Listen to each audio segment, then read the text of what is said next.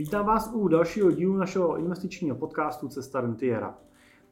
Dneska pro vás máme další díl našeho business pokecu, který natáčíme s mýma společníkama Danem Majstorovičem, ahoj Dané. Ahoj Jirko. A, a mým bráchou a společníkem Honzou Cimpelem. Ahoj Honzo. Ahoj Jirko. Moje jméno je Jiří Cimpel a jsem privátní investiční poradce Cimpel a partneři.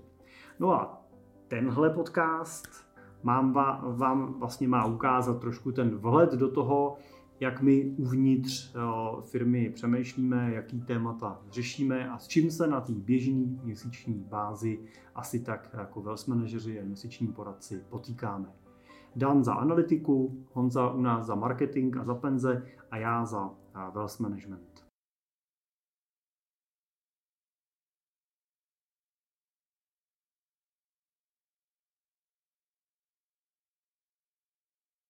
Tak eh, kluci, co u vás v tomhle měsíci se událo zajímavého? Tak u mě je asi zajímavý to, že tím, že chodím ke klientům, tak ty současné doby jsou takový poklesový a ty klienti jsou eh, v některých případech nervózní a přemýšlí, co by s tím vlastně portfoliem dělali. Jo. To je možná specifikum, kterým se potkávám víc já než ty, ale... Mm, Myslíš, no, protože jsem šikovnější? Určitě, to je přesně ono. já, já, sbírám, já sbírám ty zkušenosti právě. Tak. Moje portfolia nejsou v poklesu právě. Jak to děláš? Já mám takového analytika šikovný.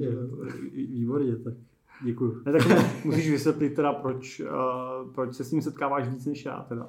Uh, já se s tím potkávám, protože ještě dohromady eh, s kolegou Michalem eh, Míškem se potkáme s těma trošku menšíma klientama, u kterých eh, ten nám svěřený majetek tvoří jejich většinu majetku nebo velkou část, pokud nebudu brát potaz rezidenční bydlení a tak podobně.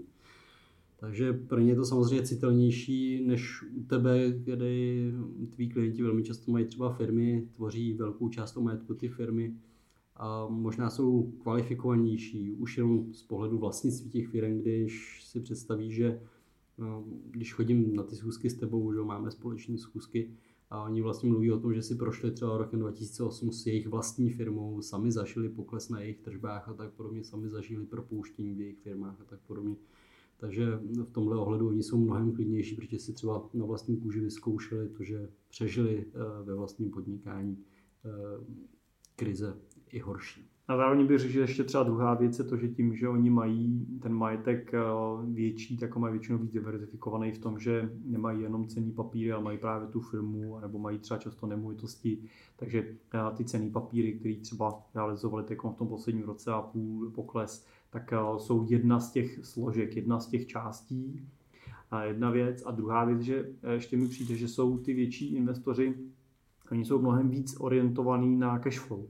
Víc orientovaní na to, co generuje ten majetek eh, z pohledu příjmů a tolik jako se nesoustředí na tu hodnotu nebo na tu aktuální vlastně cenovku toho majetku. A tam vlastně, když pak třeba nastavujeme nějaký dividendový portfolio nebo se nastavuje nějaký průběžný systém čerpání, a nebo třeba nepotřebují čerpání renty, ale čerpají si tu rentu z těch nemovitostí z biznesu a tahle ta část je vlastně určená jako růstová složka, třeba často pro další generaci, tak eh, to není tak stresující, jako když samozřejmě máš většinu majetku v cených papírech a neběží ti z toho třeba ještě renta, plánuje, že jí z toho začneš čerpat za pár let a teď vidíš ten pokles a přemýšlíš prostě, jestli ti to bude stačit na čerpání renty. No Dane, dobře, tak když se s tím setkáváš, setkáváš se s nějakou nervozitou, tak jak to, jako, eh, jak to dopadá, nebo jak to, je to tak, že teda eh, to nakonec vyberou, ukončej, prodají v poklesu? Přesně, nebo... já vlastně jenom ty klienty odepisuju a ne, to je samozřejmě sranda. Uh, je to hlavně o tom dodání těch informací a uklidnění. Uh, velmi často uh, se potkávám s klientama i těma menšíma, kteří jsou klidní a je to tím, že nás třeba sledují, mám tu informaci, že čtou ty články, sledují ty aktuality na těch trzích a tak podobně. Takže tam většinou ta zkušenost je taková, že ty to nechává klidný. Pak tam je ta druhá část klientů, kteří na to nemají čas, není to ta jejich oblast zájmu a tam samozřejmě potřebují ty informace dodat. A velmi často je to celkem bez problémů toho, že se uklidní a odchází po té schůzce. S vyhlídkou samozřejmě toho, že vědí, že to dlouhém horizontu je to jeden z těch výkyvů směrem dolů, který se procházíme a po dlouhé době další. Takže to není problém.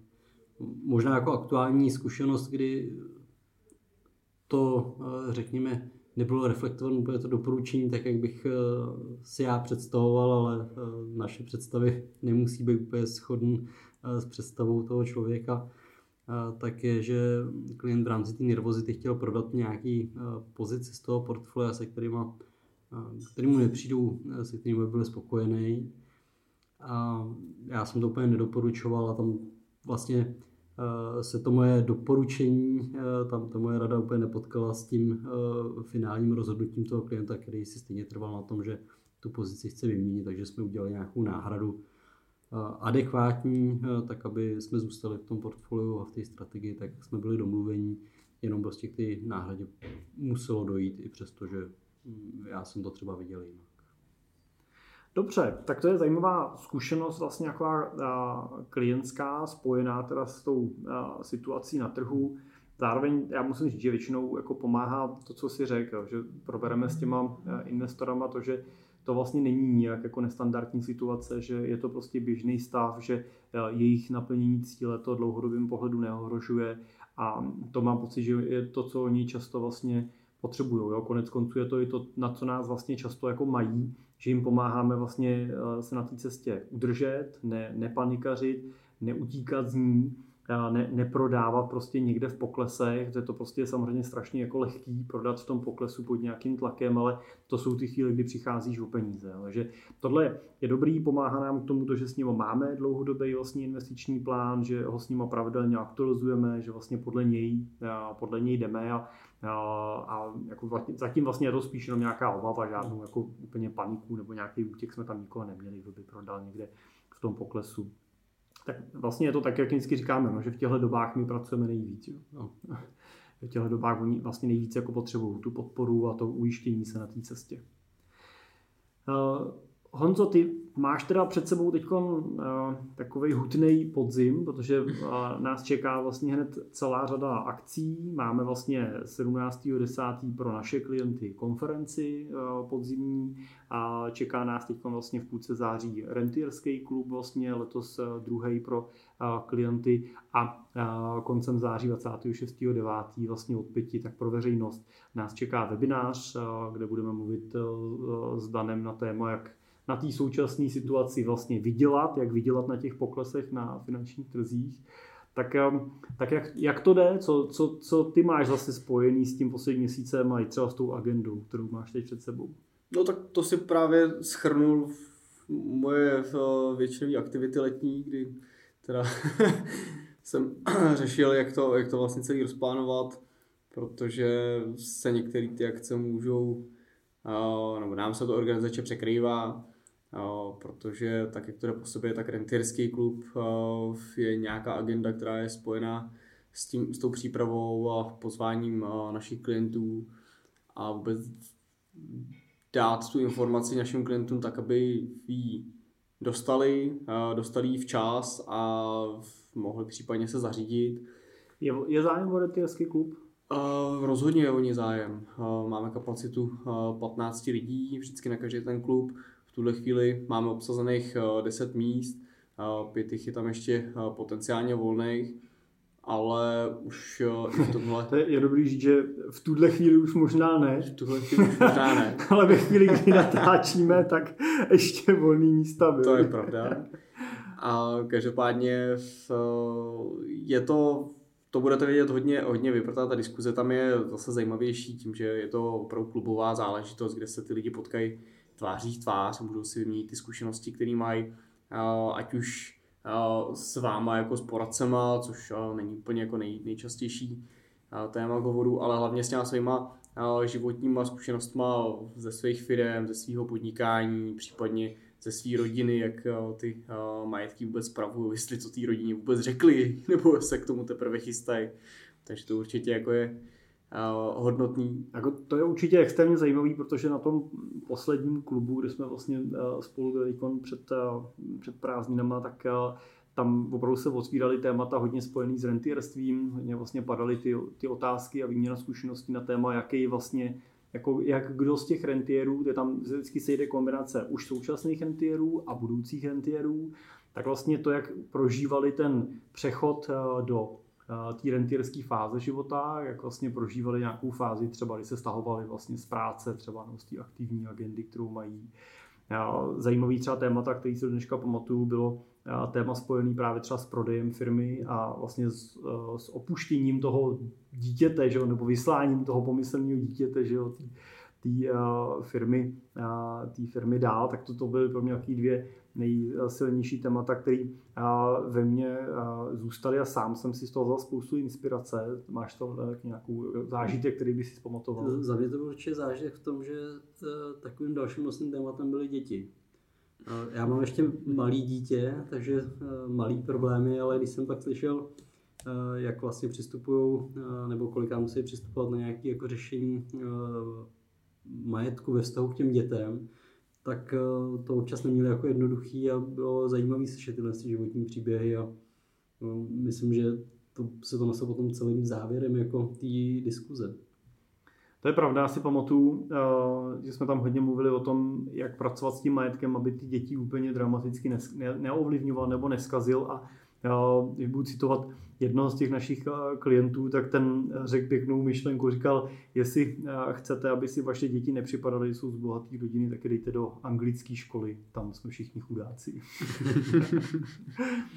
no tak my jsme měli na ten první klub vlastně letos připravený i nějak, připravený i nějaký naše téma, eh, téma vlastně dividendový a měli jsme ho právě s hlediskem toho, aby jsme když tak vyplnili nějaký čas, než se lidi rozpovídají a pak jsme zjistili, na konci jsme ho tam potřebovali vmáčknout aspoň na 10 minut, aby jsme ho teda nezazdili, pak vlastně ty témata se rozběhly, takže nebylo ani kam ho, kam ho vlastně vmáčknout. No, tak eh, to bylo super a tak těším se, že eh, ten další bude zase eh, zase takhle interaktivní. No. Já tomu věřím taky, určitě tam řada těch lidí má spoustu různých zkušeností a ty témata se tam objevovaly úplně sami, bych řekl, takže to bylo hezký. Hmm.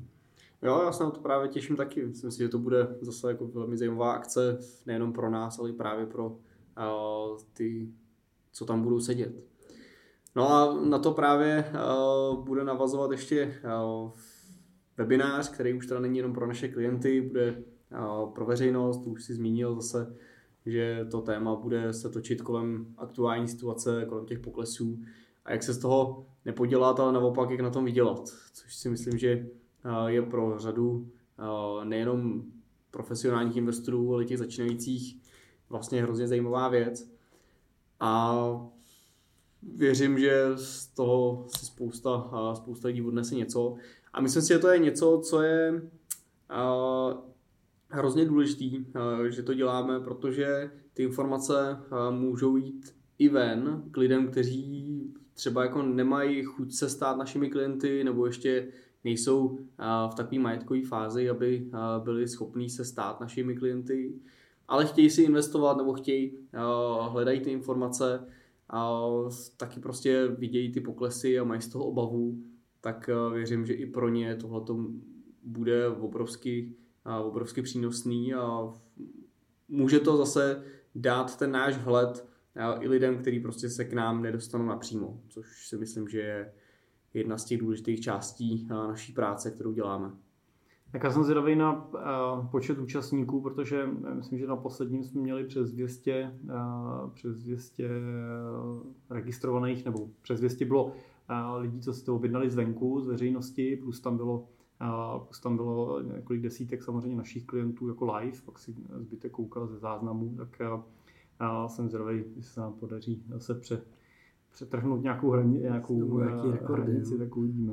A tak no, to uvidíme. Honzovo důchody se těžko lámou. Teda. Ano, přesně tak. to byl tím rekordní webinář na Honzovo uh, audit penze, tak,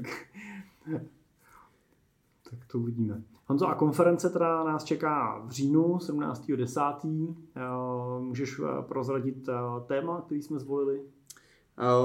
Zvolili jsme tentokrát téma ochrana rodiny a jejího bohatství, kdy čím vlastně více zabýváme tou problematikou vůbec jako rodinných vztahů a toho majetku, který v té rodině je, tak čím dál víc se ukazuje, že to není jenom o tom, aby člověk byl rozumný a ten majetek vybudoval, aby ho udržel, aby ho předal správně, aby se z toho nezbláznily ty další generace, ale zároveň je to o tom, jak o ten majetek vlastně nepřijít. A proto jsme zvolili to téma té bezpečnosti, protože ta bezpečnost se dělí vlastně na dvě části, kdy jedna je vlastně taková ta bezpečnost těch toho majetku jako takového, aby ho člověk nerozfofroval, nezlikvidoval nebo ho někde blbě nepředal.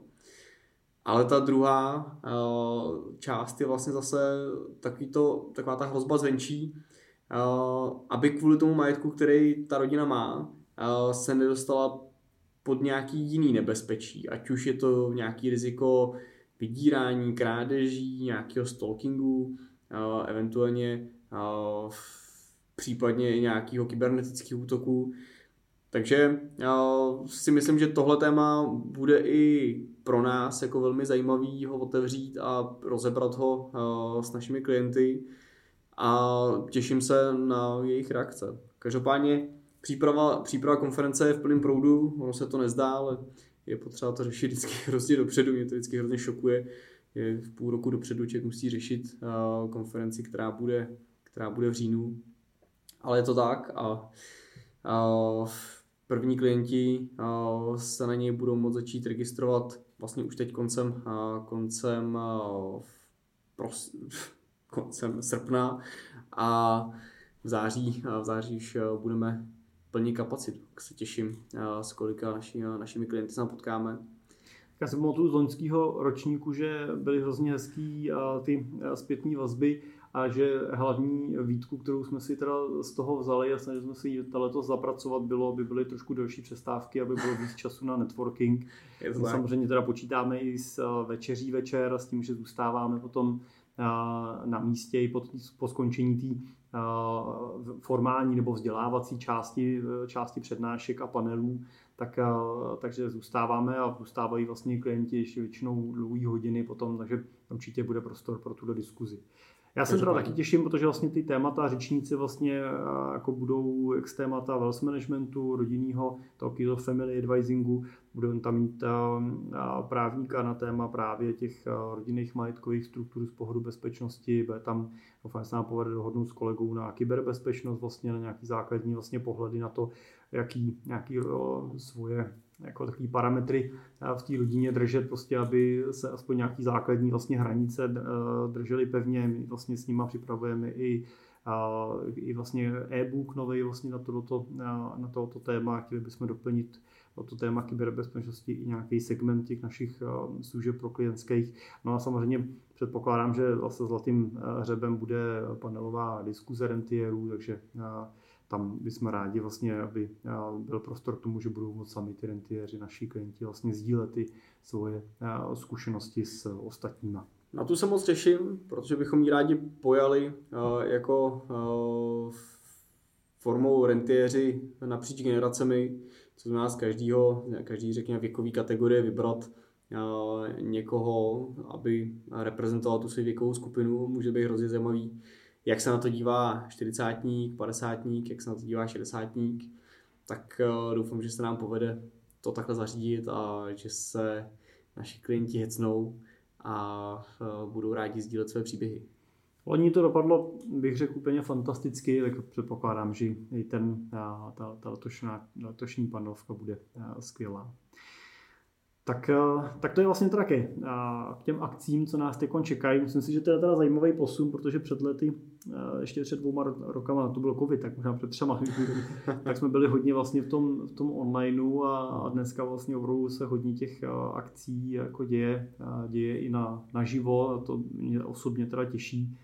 Těší mě, že i právě ten covid tohle nějak jako ne, ne, nezastavil, nebo u nás teda to nezastavil, že vlastně v tom živým skutečném světě se vyskytujeme jako prakticky furt. Jakoby, bych řekl, že těch Já osobně teda mám jako většinu těch schůzek jako naživo jako i osobně, u vás třeba u těch menších klientů to dá. Tam pořád mám kombinaci, ale musím říct, že velká část už je taky naživo. Že se lidi vrátili do skutečného světa. Lidi vrátili z těch obrazovek zpátky do fyzična. No, já jsem teda, ty prázdniny mi přišly, že jsou jako každý rok vlastně vždycky takovým obdobím, kdy je o něco menší počet těch klientů nových jakoby akvizičně, ale kompenzuje to jednoznačně vlastně vždycky velikost těch klientů, kteří o těch prázdninách přichází. Jo. Takže když vlastně i to vezmeme, všichni jsme v, těch, v tom procesu vlastně přípravy těch klientů zapojený, tak eh, jako vidíte sami, že eh, ty obchodní případy, že ty klienty, kteří ty zpracovávají, jsou většinou rodiny s eh, většinou třeba vysokýma desítkama nebo stovkama milionů korun v majetku a pro mě vždycky to léto je takový eh, období pro, pro takovou tu hlubokou zajímavou práci ještě, jo? že to není jenom taková ta práce, jo, přijdeme, zainvestujeme, ale je to ta práce, kdy ve větší části případů těch klientů řešíme eh, konstrukci rodinných ústav, takže teď aktuálně dělám na několika rodinných ústavách s, s několika eh, rodinama. Já jsem zrovna včera měl dvě sůzky s dětma z jedné rodiny. Dneska mě čekají ještě odpoledne další dvě schůzky s dětma zase z druhé rodiny.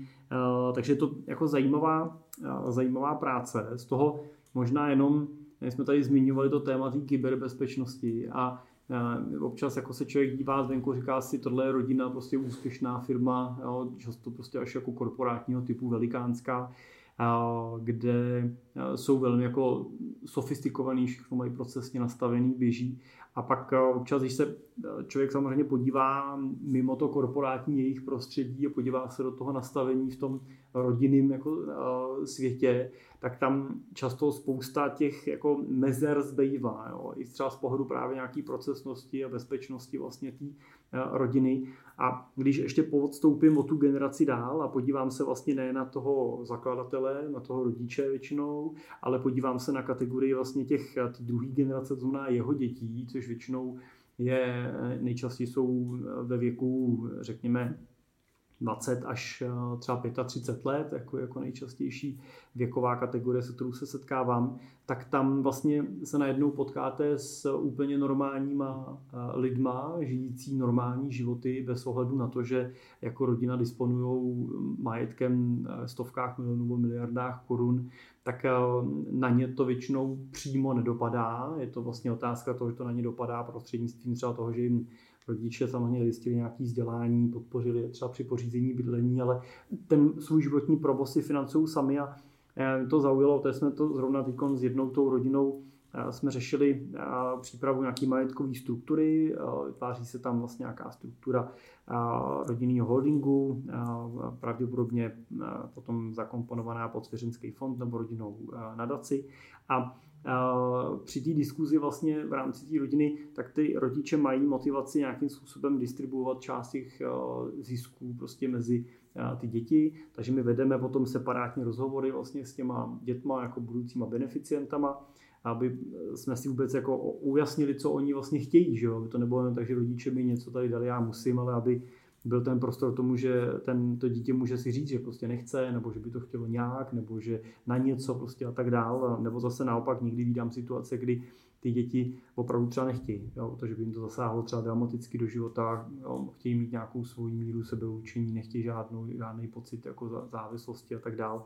Takže tohle je důležité rozebrat a ale tady zrovna se jednalo o rodinu, která disponuje opravdu majetem ve vysokých stovkách milionů korun.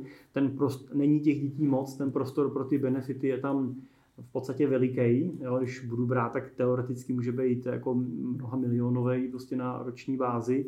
A při rozhovoru s, s jedním z těch dětí vlastně, tak jsem se ptal vlastně samozřejmě na to, jakou míru toho benefitu by dokázal vlastně spotřebovat v tom svém rozpočtu, aby to pro něj nebylo moc, aby to se nebylo málo, co by jako bral jako objektivní.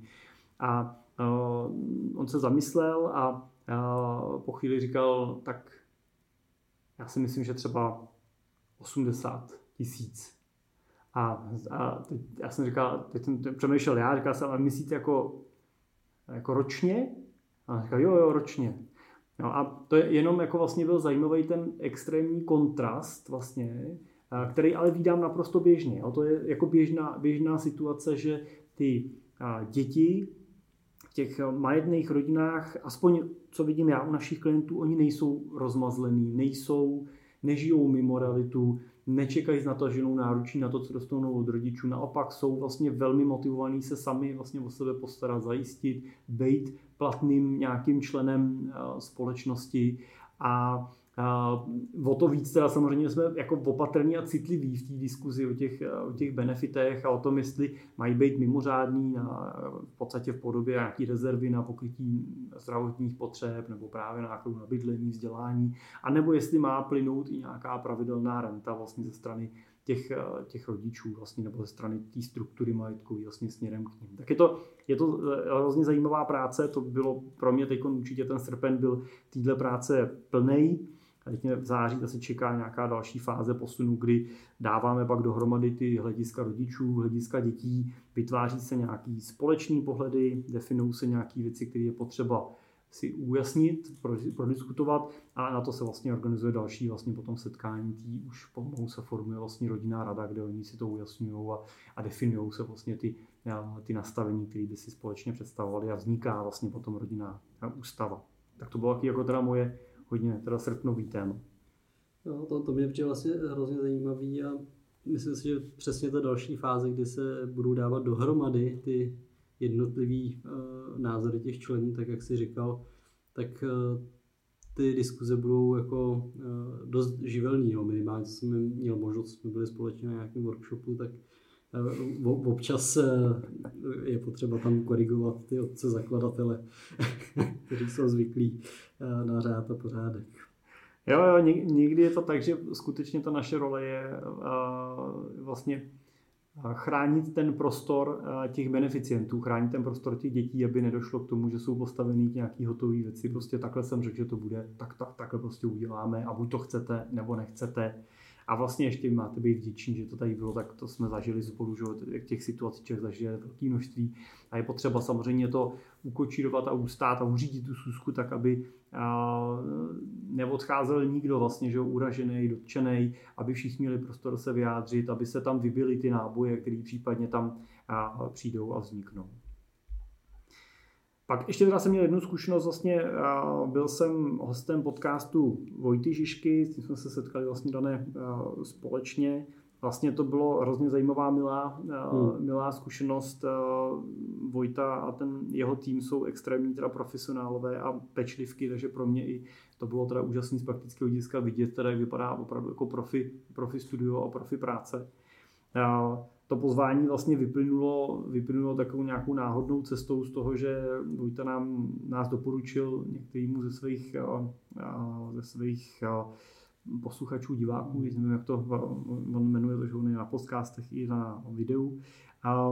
A a ten eh, doporučil nás eh, jako klientsky, tak já jsem vlastně jenom reagoval, psal jsem mu, že děkuju za to doporučení a z toho teda vyplynulo, že jsme se potkali spolu vlastně na kafi společně a, a z toho pak vyplynulo vlastně z jeho strany vlastně pozvání, že eh, chtěl natočit nějaký podcast o poradenství a že se to hodilo. Tak to bylo moc teda milý a, a příjemný, doufám, že i pro další posluchače a diváky to bylo zajímavé, tak kdybyste to slyšeli, tak můžete říct sami. Já jsem to poslech, přišlo mi to zajímavé. Že... Tak pokud jste neslyšeli, tak doporučuji, můžete poslechnout minimálně je tam eh, část bezplatná u Vojty na YouTube kanále, první půl hodina, případně můžete pak využít jeho, eh, jeho Patreon a můžete poslechnout i další, eh, další část našeho rozhovoru a další rozhovory, který má vytvořený. Je, je to takový ten zajímavý pohled na to, jak jak slyšet příběh poradenství a to, jak se to poradenství eh, historicky třeba dělalo, jestli to bylo poradenství nebo ne. A kam jsme se vlastně z toho třeba vyvinuli, kam se Jirka vyvinul, že jo, dál. Takže ale je fakt, zajímavý. My jsme si prošli vlastně všichni že, tu dráhu i toho provizního hmm. nastavení, takže člověk má to srovnání um, mezi tím provizním a honorovaným nastavením že, různých režimů.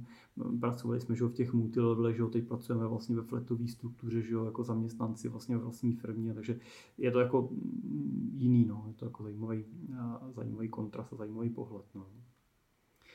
On to si asi hodně řešil kampaně, teď uh, v srpnu, že jo, naš, uh, naše onlineový, tam uh, Google uh, přišel s nějakým uh, letním potěšením, jsem pochopil. Povedlo se rozběhat kampaně? No, to potěšení je takový jako už dlouhodobý. Kdo to jako sleduje, tak ví, že uh, skončili Google Analytics uh, Universal, což byly prostě ty uh, analytické nástroje, který používá dneska téměř každý člověk, který má webové stránky, sleduje si tam návštěvnost a tak dále. A Google ten nástroj ukončil s tím, že uh, vytvořil uh, nástroj, který mu říká Google Analytics 4. No, jenomže s tím, jak vlastně přišel ten zlatý řez, tak uh, samozřejmě se na to pozorňovalo dlouho, plánovaný už rok. No ale teď přišel ten, ten konečný, uh, ten konečný řez, kdy od 1. srpna opravdu jako došlo k uh, tomu ukončení uh, odříznutí toho základního analyticsu. No což způsobilo samozřejmě to, že ačkoliv na to člověk může být sebe připravenější, tak jsem zapomněl na některé detaily, které prostě mi unikly. No se samozřejmě sesypali, se sypal celý onlineový svět, aspoň nám teda ve firmě se sesypal celý, celý svět, který jde do reklam a do různých jako formátů, který nás mají zviditelnit. No, tak už si s tím hraju od začátku srpna a furt ještě nejsem na konci, takže Takhle cena za to, že se to snažíme dělat interně, no. Možná by externí agentura si s tím věděla rady. Ale... Je to dost pravděpodobný, že když bych na, jsme na to nasadili někoho, kdo je v tom kovaný, tak samozřejmě může už na to být připravený dlouho a může to všechno fungovat tak, jak má. Já tím, že do toho mám ještě dalších x povinností, tak se v tom různě vrtám, teď se, teď se to učím. Je teda pravda, že uh, kampaně jsme, uh, jsme rozběhali, všechno to běží uh, tak, jak má, Akorát eh, je to trošku eh, náročnější na ten provoz a doučuju se další věci a teď řeším, jak to celý přenastavit ještě nově. Takže čeká mě na tom ještě spousta práce, a, ale to je takový kdo, kdo znáte eh, online svět, tak víte, že jakýkoliv online je never ending story. Vždycky je to o tom, že něco se naučíte, aplikujete a za týden to můžete hodit do koše, protože je to zastaralý a můžeme se začít učit něco nového platí finance, to není tak rychlý. Tam je to aspoň na měsíční bázi. Teda. Přesně, tam by mohl vyprávět, tak se mu nemění ty věci pod rukama. Ale tak, Jirko, jsi měl taky zajímavou zkušenost, aby to nebylo, že se jenom my tady trápíme eh, s možnými jako technikáliemi, ale na tebe padají takový ty, že tě oslovují lidi na možné spolupráce a tak podobně. Tak já jsem teda byl u kousku to, toho, eh, měl jsem možnost jako nějaký náhled, eh, ale možná by bylo zajímavé, jako kdyby se k tomu řekl tu zkušenost, co to vlastně bylo, když tě osloví takhle někdo na nějakou spolupráci, jak, jak s tím postupuješ. Tak mě chodí čas od času eh, nabídky, nebo ne nabídky, ale eh, žádosti vlastně lidí, kteří napíšou, že nás dlouhodobě sledují, že se jim líbí, co děláme a že by nějakým způsobem rádi byli vlastně užiteční jako po profesní stránce a nějakým způsobem třeba se zapojili, pomohli. Takovouhle jednu nabídku jsem dostal i eh, teď v průběhu těch prázdnin. Já jsem možná naivní a vždycky se na to dívám s nějakou mírou jako upřímnosti, že to tak jako je.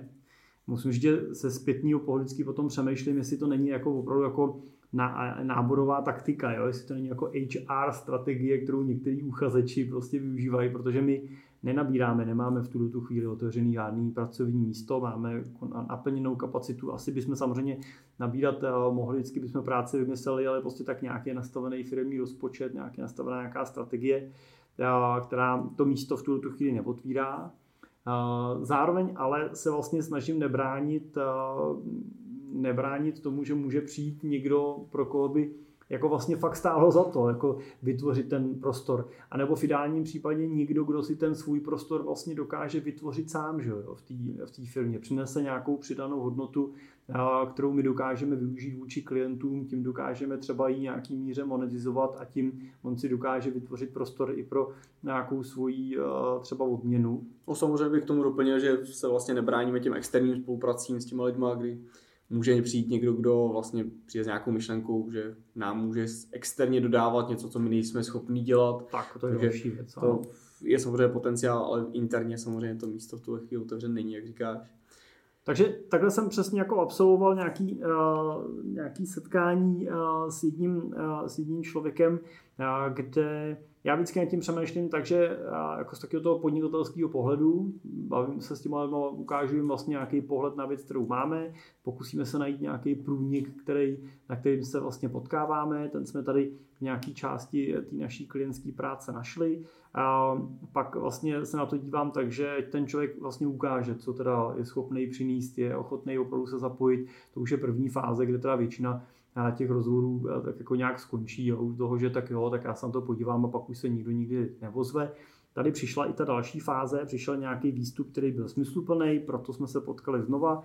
A, a vlastně jsme se dobrali k nastavení, který by eh, bylo funkční v tom, co bychom mohli teda společně dělat, jak bychom tu eh, roli toho člověka byli schopni v tom týmu využít i zaplatit. A ale vlastně v podstatě u nás většina lidí, co začínala v posledních letech, tak začala tím, že pro nás nějakou dobu vlastně pracovali v podstatě jako zdarma. Já nechci, že má někdo pro nás dělat zdarma, ale prostě vlastně pracovali s tím, že jsme řekli, dobře, tak pojďme zkusit něco spolu udělat. Taková stáž. Tak, takovou stáž, přesně. A uvidíme, co z toho vzejde. My jsme je pak stejně vždycky zaplatili, stejně prostě ten člověk za práci, kterou udělal, od nás dostal peníze, ale bylo to tak, že jsme je vlastně odměnili my za nějakou práci, nebylo to tak, že bychom začali tím, že si vyjednáme podmínky, kolik za to, jo, a já to pak udělám a vy mi to pak zaplatíte. To, ať to byl případ jak Michala, vlastně právníka našeho, nebo Lukáše, analytika, vlastně, začíná letos, vlastně, tak to bylo vlastně v obou těch, těch případů, ty lidi vlastně byli užiteční a v podstatě se stali členem součástí toho týmu ještě dávno předtím, než jsme s nimi podepsali pracovní smlouvu. Vlastně. A to byla moje, nebo je obecně moje vlastně představa třeba v tomhle jako režimu nastavení a v té rodinnosti té firmy, kterou máme. A tady jsem byl teda konfrontovaný s takovou jako zajímavou realitou, kdy po tom, co jsme vlastně takhle spolu začali nějaké věci dělat a řešit, tak jsme zůstali vyset vlastně na debatě o 100 koruně na hodinu prostě nahoru dolů a to jsme teda se bavili o odměně jako na nějaký konkrétní klientský práci v mnoha 100 korunách jako na hodinu. To asi jako, ta diskuze byla asi 600 nebo 700 korun na hodinu, jo, kdybych to jako převedl do té konkrétní jako reality. A, a normálně jsme zůstali vyset na té jako 100 koruně, kdy já už jsem pak, jsme si vyměňovali maily a už to bylo takový, asi v obou straně jako nepříjemný nebo napjatý, protože já jsem se hele, tak pojďme zkusit něco prostě udělat, pojďme zkusit nějaký klientský případ a pak si to donastavíme.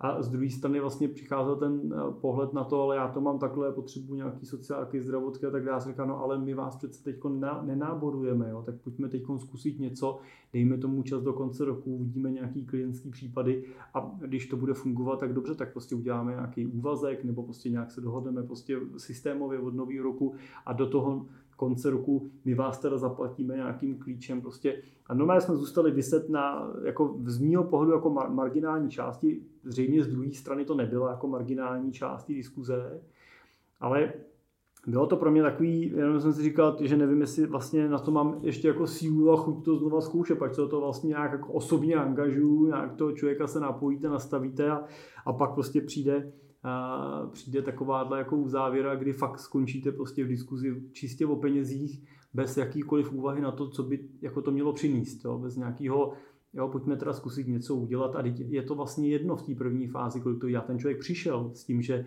mu nejde o peníze, že teď nepotřebuje vydělat, že nehledá zaměstnání, že jo, má, má čas a má dobu na to, aby se zorientoval, byl finančně zajištěný. Jo, takže to, to nebylo tak, že přišel někdo, kdo nemá na chleba a potřebuje prostě.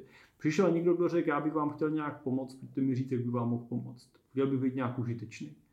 No a, a výsledek z, z toho mého pohledu byl, Uh, pojďte mi říct, jak budete užiteční vy pro mě, kolik mi budete platit, hm, to mi nevyhovuje tohle, takže mi to platilo takový jako smutný konec mi to přišel vlastně na to, jak vypadal ten průběh toho, že bude užitečný. No. Tak možná uh, jsem si pak jenom říkal, že pro další fáze a další jako podobné žádosti aplikuju režim, že řeknu, jo, my se s váma rádi domluvíme, pojďte pro nás teda pracovat půl roku zdarma a pokud to přežijete, tak pak vás vezmeme speciálně v této fázi, když budu toho člověka inzerovat, budu ho hledat, tak samozřejmě musím platit od začátku, to je jasný.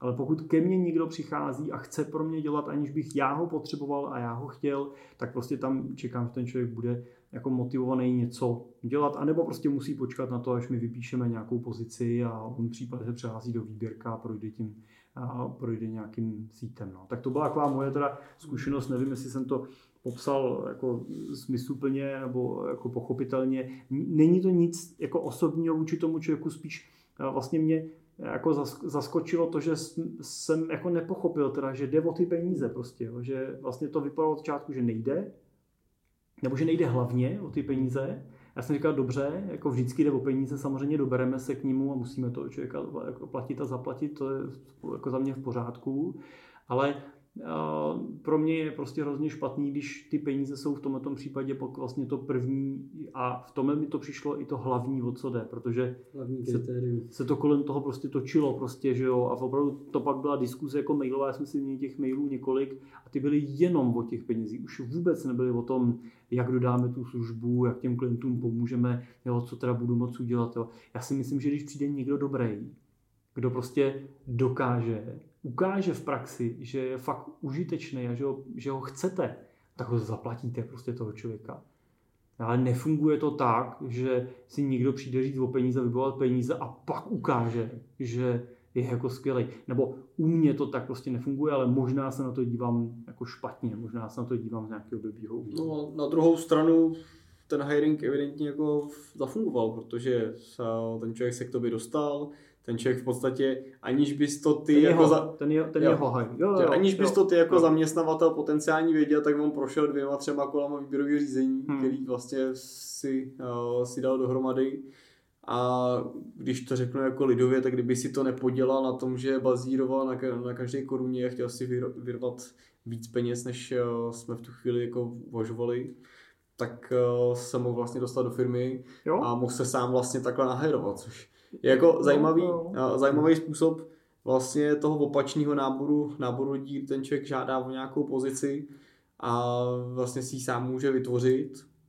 A no, přijde mi to zajímavý, no, že to jako se ten trh práce může takhle jako hezky otočit, kdy už to není tak, že zaměstnavatele nutně vypisují vypisujou tyhle ty jako pozice. Řekněme jako lépe placené pozice, protože se nebavíme o člověku, který by dostal 100 korun na hodinu, ale bavíme hmm. se o sice projektový práci, ale projektový práci, která vydělá jako uh, třeba tisíce na hodinu už v tom začátku a může vlastně se člověk do té firmy dostat, aniž by ta firma vlastně vysloveně někoho hledala. Jako vlastně zajímavý, zajímavý postup. Hmm, to je pravda. To je pravda. Dobrá, no tak jo, tak to asi si myslím, že jsme vyčerpali náš, uh, naši srpnovou dávku biznisu. Tak uh, já doufám, že to bylo i pro vás jako posluchače uh, zajímavý to naše povídání. Budeme rádi, když nám dáte zpětnou vazbu a třeba mi napíšete na e-mail jiřizavináčcimpe.cz, jestli tohle, tenhle rozhovor má pro vás nějakou hodnotu. Já to můžu hodnotit eh, z množství eh, poslechů, který vidím, že na těch našich business talkách je vysoký, tak z toho předpokládám, že vás to téma eh, zajímá, ale jak říkám, budu já, když vám nějakou zpětnou ozvu, klidně napíšete a, a, my, a, a třeba negativní a my se z ní poučíme a budeme příště v tom třeba šikovnější. tak jo, tak díky moc za pozornost, díky chlapi za otevřenost a za diskuzi a, a my se budeme těšit, kdyby ne jindy, tak u dalšího business talku za měsíc září a zase brzo naslyšenou. Naslyšenou. Naslyšenou.